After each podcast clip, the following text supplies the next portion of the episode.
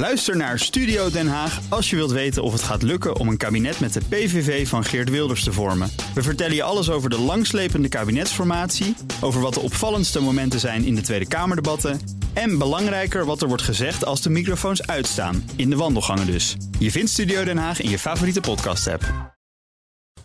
De column van Jaap Jansen. Thierry Baudet staat aan de vooravond van zijn politieke doorbraak. Peilingen voorspellen een grote fractie in de Eerste Kamer.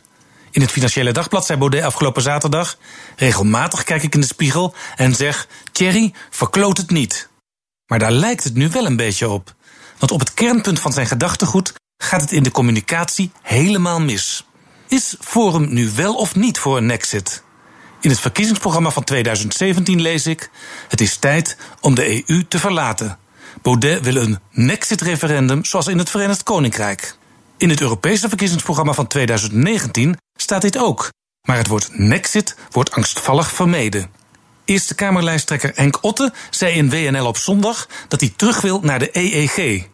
Volgens het verkiezingsprogramma kan Nederland binnen de EU nauwelijks invloed uitoefenen en moeten we zelfstandig handelsverdragen sluiten. Maar dat laatste is nu juist waar de EU en eerder de EEG zo sterk in is. Door economisch een vuist te maken, ervoor zorgen dat anderen zich aan onze normen aanpassen. De Britten merken nu al dat ze buiten de EU minder invloed hebben. Gedroomde handelspartners zeggen: wees welkom, maar sluit je aan achter in de rij. En oh ja, wij houden ons aan de door Europa vastgestelde normen en verwachten dat jullie dat ook doen. Voor de Britten dreigt een economische krimp van 9 Geen wonder dat Henk Otte afgelopen vrijdag op Radio 1 stelde dat hij eerst wil kijken hoe de brexit afloopt. Geen nexit dus. Of toch wel? Een dag later vertelde Baudet in het FD dat hij altijd zal pleiten voor uittreding. Maar daar zijn op dit moment de geesten nog niet rijp voor. Aha, dat is dus de reden dat het woord Nexit uit het verkiezingsprogramma geschrapt is. Ondertussen ben ik heel benieuwd hoe de Europese forumlijsttrekker hierover denkt.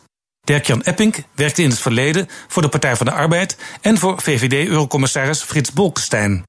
Tien jaar geleden werd hij voor het eerst in het Europees Parlement gekozen voor een Vlaamse lijst. En wat hij toen wilde, zou VVD-leider Mark Rutte zo kunnen onderschrijven. Ik pak het verkiezingsboekje erbij wat hij toen schreef in 2009 op het hoogtepunt van de financiële crisis. Citaat: De balans van de Europese integratie is positief. En de euro moet blijven, schreef Epping, die zich eurorealist noemde. Lidstaten moesten op fundamentele beleidsterreinen besluitvorming overdragen aan Brussel. Hij wilde een militaire EU-macht. En rijke landen moeten de armere lidstaten helpen. Al dus Epping toen. Zou hij dit nu allemaal niet meer vinden? Waarom horen we hem zo weinig? De onervaren provinciale lijsttrekkers moeten van de Haagse leiding hun mond houden, want alleen Baudet mag stralen. Maar Epping heeft ervaring. En een scheutje eurorealisme zou Forum in deze verwarrende brexitdagen kunnen helpen het juiste pad te vinden. Verkloot het nou niet, jongens. Zo, dat is nogal een statement. Uh, Jaap Jansen met zijn column op donderdag altijd. En op bnr.nl en in de BNR-app vind je meer columns en podcasts.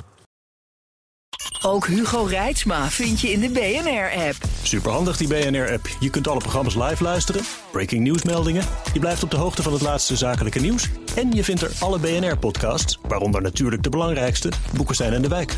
Download nu de gratis BNR-app en blijf scherp.